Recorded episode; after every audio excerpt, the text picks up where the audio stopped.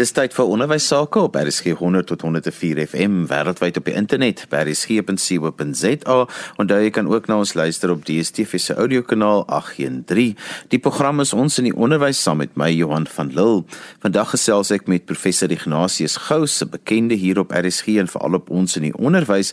Ons praat 'n bietjie oor die pandemie en dan ook die gepaardgaande grendeltye en die groot faktor wat daarmee saamgaan is dat onderrigtyd wat so verlore gegaan het by oomblik is dit baie in die nuus, almal praat daaroor, maar aan die einde van die dag wil ons graag weet hoe met ons kinders deur al hulle leerinhoude kom, al is die leerinhoude minder gemaak. Ignatius, kom ons spring dadelik weg. Dit bly 'n moeilike ding want baie van die onus rus eintlik nou op die kinders en die ouers. Die vraag is, is dit moontlik deesdae om al die leerinhoude te dek in hierdie verkorte tye? Vir sommige is dit dalk, maar baie sukkel daarmee. En daarom gaan ek gou praat oor 'n paar strategieë wat ons in die klas kan aanwend om kinders te bemagtig om die vermoë te ontwikkel om leer inhoud daar self belang te stel en om dit self te kan bemeester. So wat ek oor wil praat is ses aspekte, naamlik die belang van die groter prentjie in konsepvorming is die eerste een. Die tweede een is hoe mens gaan van die algemene na die spesifieke wanneer mense hoofstuk of 'n klas behandel. Die derde gaan oor betekenisvolle leer en belangstelling en weetgierigheid. En dan die vierde dat 'n mens eers moet verstaan dat jy dan patroonvorming moet doen en dan memorisering. Die vyfde is dat jy moet wys wat jy weet en ook wat jy nie weet nie. En die sesde gaan oor mylpaal leer belonings en leerroosters. Maar voordat daarby kom, wil ek net eers 'n paar belangrike algemene opmerkings maak. In knarstye soos wat ons nou is of crucible soos wat die Engelse dit noem dan dit noodsaak dat ons dinge in heroënskou neem. Want jy weet as alles goed gaan gaan alles net gewoon aan. Daar is vernuwende gedagtes maar hulle vat nie maklik pos nie want 'n mens storm tog nie aan 'n wenresep nie maar 'n mens moet onthou dat die verskil tussen 'n groef en 'n graf maar 'n paar sentimeters is en twee dinge het ons huidige knastyd geskep. Die eerste is natuurlik die pandemie wat baie onderrigtyd verlore laat gaan het. Want daar is gewoon nie genoeg tyd om die voorgeskrewe syllabus en inhoude te dek nie. So, wat moet ons nou doen? Moet ons vinniger werk? As ons te doen gaan die kinders byhou. Hierdie ding onderstreep die gesprek oor wat die belangrikste is. Is dit om inhoud te bemeester of om die vermoë om inhoud te bemeester te onderrig? en ek dink albei is, maar hoe doen ons dit? 'n Verdere gevolg hiervan is dat tuisbly leer het kinders laat spoed verloor. Baie onderwysers en hoofde sê vir my dat die kinders nie meer gemotiveerd is nie. Hoekom is dit so? Dit bring ons by die vraag oor wat enige iemand, jonk of oud, motiveer om te leer. As die eksterne leeromgewing soos die skool wegval, en daarmee saam die kinders se leerlus soos mis vir die son verdwyn. Wys dit tog dat hulle leerlus onderhewig was aan 'n eksterne locus van kontrole en nie intern nie. En indien dit so is, dan leer ons mos nie vir hulle om self die behoefte aan kennisverwerwing te hê nie. Vergelyk dit nou met die kinders wat wel steeds goed leer of selfs beter doen. Hulle het op watter wyse ook al geleer om 'n interne leerlus te stook. En nou floreer hulle. So, hoe kan ons dit vir meer kinders en volwassenes aanleer? Die tweede belangrike aspek is waarheen die wêreld tans beweeg. Ons is in die sogenaamde 4de industriële revolusie. Nou wat jy nou ook al daarvan of daaroor dink, die feit bly dat dinge vinniger verander as wat meeste mense by kan byhou. En soos met die reaksie op die pandemie, is die industrie sê maar ook 'n vliegtuig wat gebou word terwyl die mens alreeds vlieg. Dink 'n bietjie wat dit in die ruimtebedryf gebeur en wat daaraan gaan. NASA wat altyd bekend gestaan het as die absolute toppunt van waar dinge gebeur, het altyd gedoen wat hulle gedoen het en wat goed gewerk het. En die feit is, deur dit te doen, het hulle agtergeraak en het hulle vermoëns verloor. En toe kom Elon Musk en hy vra hoekom is dit so duur? Hoekom moet ons dinge weggooi? Ons vat tog nie 'n vliegtuig as ons van Ouer Tambo Europa te vlieg en as as ons daar kom gooi ons hom weg nie. Dit sal ons dit onbetaalbaar duur maak. Maar hoekom doen ons dit met uh, ruimtetuie? So hy begin te sy eie uh, besigheid SpaceX. Hy misluk, maar hy hou aan en daar werk dit. En toe sê hy nou maar goed, nou moet ons dit herwin. Die eerstes wat hy probeer laat land het almal omgeval en ontplof. Is hy het is misluk. Almal het vir hom gelag, maar nou werk dit niemand uh, dis nie eens meer nuus nie want dit gebeur elke keer. Maar die tegnologie wat nodig was daarvoor, moes hulle ontwikkel het soos was dit aan wat dit aangegaan het. Dit kon nie in 'n skool geleer word of op universiteit geleer word nie. Hulle moes dit ontwikkel soos dit gebeur het en daarom beteken dit die vermoë om te bemeester was belangriker as wat jy ou kennis gehad het alhoewel die ou kennis 'n fondasie daarvoor was. Die punt hier is ter sprake is dat parate en gememoriseerde inhoud regtig van kardinale belang is. Maar dit is nie genoeg nie. Wat ons moet bemeester bestaan nog nie. Die vraag wat ons sal moet vra om te oorleef bestaan ook nog nie. Ons moet dus in die klasse dinge doen wat die kinders gaan voorberei om in hulle wêreld te kan leef en te oorleef. En die moeilikheid is dat dit moet deur ons gedoen word as onderwysers en dosente wat nie in so 'n wêreld groot geword het nie, wat nie gewoond is om dit te doen nie. Ons moet dus uit ons groef uitkom voordat dit 'n graf word. Ignatius, ek hoor wat jy sê en ek het dit nou ook uit verskillende oorde gehoor. Dit is op die oomblik so 'n groot debat, presies dit wat jy nou sopas gesê het van dat ons moet dink oor die toekoms en die dinge wat ons nie weet nie, maar hoe gaan dit prakties in 'n klas kan werk? Want by einde van die dag staan daar 'n onderwyser in 'n klaskamer met kinders en hulle moet op allerlei maniere werk. So hoe kan dit werk? Ek het die afgelope jaar uh, wat die voorreg gehad om dit wat ek nou hier kwytraak uit te oefen. Uh, dit is dus gebaseer op werklik die jongste en geldige navorsing, maar dit is ook prakties uitprobeer in sê maar graad 5 waar ek vir die kinders self klas gegee het vir graad 8 tot 12 wat ek vir hulle seminare gegee het en met studente wat gedwing is om skielik aanlyn te moet leer. En dit is waar die ses aspekte wat ek nou kortliks gaan bespreek vandaan kom. Nou Ignatius, kom ons begin by die eerste ene. Jy noemde die belang van die groter prentjie in konsepvorming. Dis nogal 'n mond vol. Jy weet hoe ek dikwels self klas gegee het, is dat ek met die lesse moet begin het en onmiddellik in die detail ingeval het, so met die deur in die huis ingeval het. En dit gebeur wêreldwyd in baie klasse. Maar leer beteken egter dat ek aan 'n kennisstruktuur bou. En dit beteken ek moet weet aan watter kennisstruktuur ek nou bou. En dink nou maar net as jy sewe werke gehad het en elke 45 minute moet jy 'n ander werk gaan doen. Uh, dit is wat kinders uh, aan blootgestel word. Hulle is in hierdie klas en dan stap hulle oor of die onderwyser kom en dan s'hulle 'n uh, volgende les. Jy weet so jy dink nog oor die vorige en as jy nou al halfpad in die volgende ene.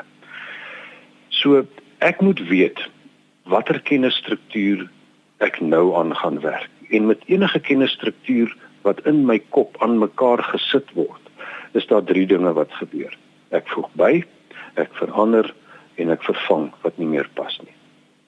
So wanneer 'n mens 'n klas aanbied, wanneer ek deesdae dus 'n klas aanbied, plaas mens dit eers in konteks. Dat jy sê goed, ons is nou besig hiermee. En wat is die pad van leer wat ons gaan stap? En prakties fisies wat ek doen is ek wys die voorblad. Ons is met hierdie boek besig. Ek sê vir hulle maak dit oop by die inhoudsopgawe en sê sien julle dit is al die goeders wat ons al klaar mee gedoen het. Het so die vorige les het ons die gedoen, twee, drie lesse vorentoe dit. Volgende paar dae gaan ons dit doen, maar vandag dit is wat ons hierso doen. Deur dit te doen en dit vat maar 'n minuut of twee van die klas is almal op dieselfde bladsy. Hulle het kans gekry om die vorige les in hulle tas te pak en om hierdie ene eh, hierdie kennisstruktuur op te wek en te sê goed, dit is nou waarheen ons of waaraan ons bou. En op die koop toe het mense dan sommer so 'n bietjie hersiening gedoen en vooruitskouing gedoen. So dit is belangrik dat jy die groter prentjie vir hulle wys sodat jy kan wys aan watter konsepte gaan ons werk en aan watter kennisstruktuur gaan ons bou. Ignatius, ek wil net iets met jou kontroleer. Toe ek onderwys studeer het, het hulle altyd vir ons gesê aan die begin van die les moet jy kinders se voorkennis aktiveer of ontsluit. Hierdie is iets anders. Dit is nie mense moet dit nie daarmee verwar nie. Nee, kyk voorkennis beteken 'n uh, mens moet weet wat jy reeds uh, geweet het. Nou dit is ook belangrik, maar hier die belangrike is dat 'n mens net sê, goed, uh, watter kennisstruktuur? Want jy sien as jy kom ons praat nou maar sê maar van iets oor die pandemie. As iemand nou deesdae praat oor 'n uh, inenting. Dit sommige mense die kennisstruktuur wat opgewek word is uh heling en gesondheid en sulke goeders. Vir ander mense is dit uh uh, iets soos met politieke druk en al daai tipe van dinge. So dit is twee totaal verskillende skemas wat in jou kop opgewek word en wat jy dus dan alles wat inkom in terme daarvan sorteer en uh, uh, inpak. En as jy kan sien as jy die twee verskillende goeders uh, opwek hoekom mense nie met mekaar daaroor kan praat nie. En dis met ander woorde in 'n klas moet jy sorg dat as ek nou met geskiedenis besig is of met iets van die geskiedenis, dis anders as dit wat ek nou net mee besig was. Ehm um, so dit is nie voorkennis nie, dit is dat mense sê waaraan gaan ek nou bou? Ignatius ons het nou al gepraat 'n bietjie oor kennisstrukture en hoe belangrik dit is om om om dit te gebruik by kinders, maar jy sê ook mens moet werk van die algemene na die spesifieke wanneer 'n mens 'n hoofstuk behandel. Jy weet ek het baie dikwels in klasse gesê, goed, sit, maak oop julle boeke op hierdie bladsy en dan begin ons met die les. Jy weet dit is amper soos om in 'n rivier te spring. Jy weet nie wat 'n stroom op nie, jy weet nie wat 'n stroom af nie. Uh jy moet met ander woorde so net dryf of in 'n bos in te stap en jy sien 'n boom maar jy verstaan nie die hele bos nie. Wat beter werk is om eers 'n oorsig oor die hele klas te gee. Deur te sê ons gaan vandag na hierdie hierdie en hierdie aspekte kyk wat so en so in die kennisstruktuur inpas wat ons besig is om te bou waaroor ons nou net gepraat het. En op hierdie manier kry 'n mens dus dit sê goed, um, ek skep die verwagting. Ehm um, en ek gaan weet soos wat ons vorder, ons is nou hier en dan daar en dan die volgende en dis meer. So jy gee vir die kinders kans om gewoon te raak aan dit wat jy vir hulle gee. Ehm um, mens skep dus ook 'n verwagting. Weet ons het nou hieroor gepraat, maar hy het gesê ons gaan daar of sy het gesê ons gaan nog dit ook aanraak. So waarheen is ons op pad? So ons uh, moet vir hulle laat weet dit is die paadjie van leer wat hierdie klas gaan stap dat hulle uh, ingelig is daaroor. Mens kan dit op 'n ander manier ook doen, byvoorbeeld met 'n uh, 2 minute toets voor die tyd wat jy vir hulle sê, hier is 'n toetsie, uh, onvoorbereid. Baie van die kinders gaan sê net maar hoor jy ons het dan nie hiervoor voorberei nie, maar dis presies die punt. Want as jy vra vra en hulle kry 0 vir die toets, Die interessante is is dat hulle as hulle by die antwoord op daai vraag in jou les kom, dan sê hulle, "O, okay, dit is die antwoord hierop. O, wag, dit is die uh, vraag wat gevra is en dit is hier wat bespreek word." So dan is die toets se uh doel nie om kennis te toets of voorkennis te toets nie, dit is om aandag op te skerp.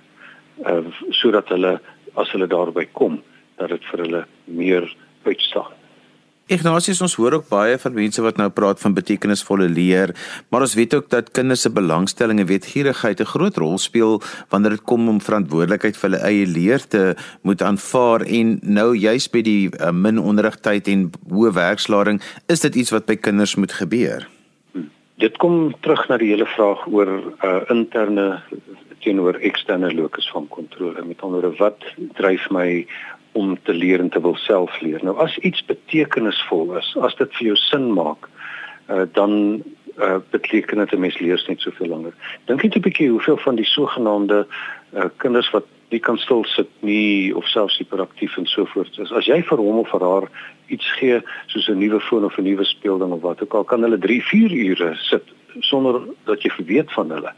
Maar gee vir hulle 'n boek, weet dan na 2 minute dan wil hulle rondhardloop. So hoe kan 'n mens dit maak dat dit dat dit wat ons vir hulle leer betekenisvol is? En die belangrike is is ek moet vir myself dit wat uh, vir die vraag vra. Hoekom moet mense hierdie goed weet? Is dit omdat dit in die syllabus staan en ek volg dit of is dit omdat dit iets is wat 'n verskil in my lewe gaan maak? As jy byvoorbeeld 'n les het oor die berge en die riviere van die land. Wat help dit as mense die name van die riviere ken? Daar's 'n Drakensberg en daar's 'n Gariep en so aan. So wat? Betekenisvolle leer beteken dat dit saak maak om iets te weet. En daarom begin byvoorbeeld by die waterbottel wat voor die kind op die tafel staan of in sy tas of waar tas is. Die kraan waaruit dit kom. Die reservoir in die stad. Die pypleiding daarna toe. Die rivier van waar af dit kom. Die berg en die opvang opvangsgebied waaruit dit spoel. So dan kan ons sê hoe kan ons dit gebruik om te sorg dat ons skoon water het om te drink, dat ons kan tuin maak, dat ons kan kos maak, dat ons kan was. En dan beteken dit die naam van die rivier is 'n toegangspoort om te praat oor iets wat vir my belangrik is, naamlik lewegewende water. En dan maak dit sin. Ignatius, jy voel ook baie sterk oor 'n 'n konsep wat my nou nog ook interesseer is wat jy sê eers verstaan, dan patroonvorming, dan memorisering. Vroeger jare het ons baie keer gepraat van jy die kind moet eers die patroon kan sien, dan sal hy verstaan en dan memoriseer. Vertel 'n bietjie vir my. Dit is nie noodwendig altyd dat hy uh, een uh, paadjie moet volg nie, maar gewoonlik sien ek wat werk beter is dat 'n mens eers die verstaan aan aandag gee dat hulle kan sien maar goed hoe pas dinge in mekaar en dan dinge by mekaar sit wat by mekaar hoort en dan memoriseer dit. Ek het byvoorbeeld uh afgelope tyd met 'n veeartseny student uh gepraat wat en sy het na my toe gekom vir al oor een vak wat vir hulle verskriklik moeilik is en dit is farmakologie. En sy kom sit by my met 450 van hierdie kaartjies wat sy nou moet memoriseer. Nou dit is fisies onmoontlik om dit te doen. En wat ons dus gedoen het, ons het eers dit gesorteer. Dat mense sê nou maar goed, ehm um, kom ons kyk wat by mekaar pas.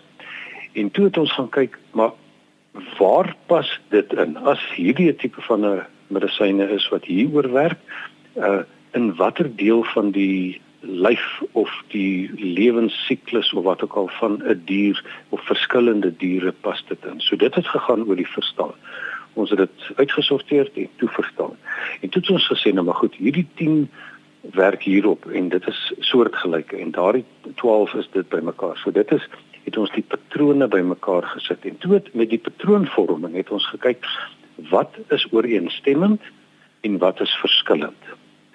Ehm um, sodat 'n mens op die ou end uh die wat ooreenstem kan leer uh en dan op die ou end net die verskille kan uitken wat dit uiteraard dus nou minder maak om te leer in plaas van 450 nou jy sê maar 45 'n uh, tipe van dinge wat jy moet leer. En toe het die memorisering gekom. En die interessante is, sy het letterlik gisteraand vir my laat weet sy het vir daai toets om deur op hierdie manier wat sy die vorige keer het sy dit nie deurgekom nie, het sy op hierdie manier gewerk en 82% gekry terwyl die klasgenoot 62 was. So dit werk fisies in van die moeilikste omstandighede.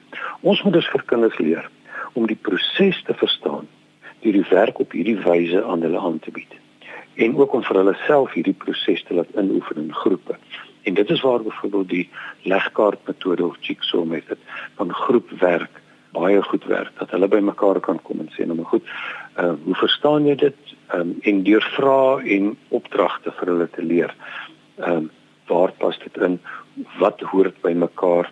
En dan vir hulle te sê nou maar goed, ehm um, stel 'n toets op dat as jy hierdie wil toets, hoe gaan 'n mens dit doen? Hierdie memorisering te doen vir ons luisteraars wat 'n bietjie wonder oor die Jigsaw Group Method, jy kan dit maar net Google Jigsaw Group Method. Jy gaan ongelooflike inligting daaroor op die internet kry. Dit is 'n baie lekker tegniek om in jou klaskamer te gebruik.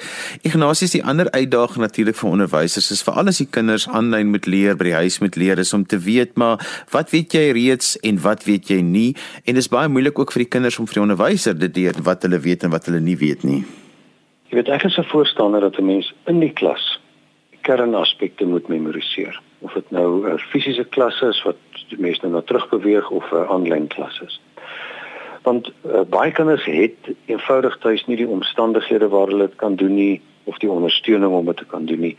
So 'n uh, eh, mens moet sorg dat wanneer hulle mense mense hulle wel sien dat dit wat jy dink onontbeerlik is vir hulle om te weet dat hulle reeds al begin het om dit te memoriseer in die klas weer eens na die proses van verstaan patroonvorming.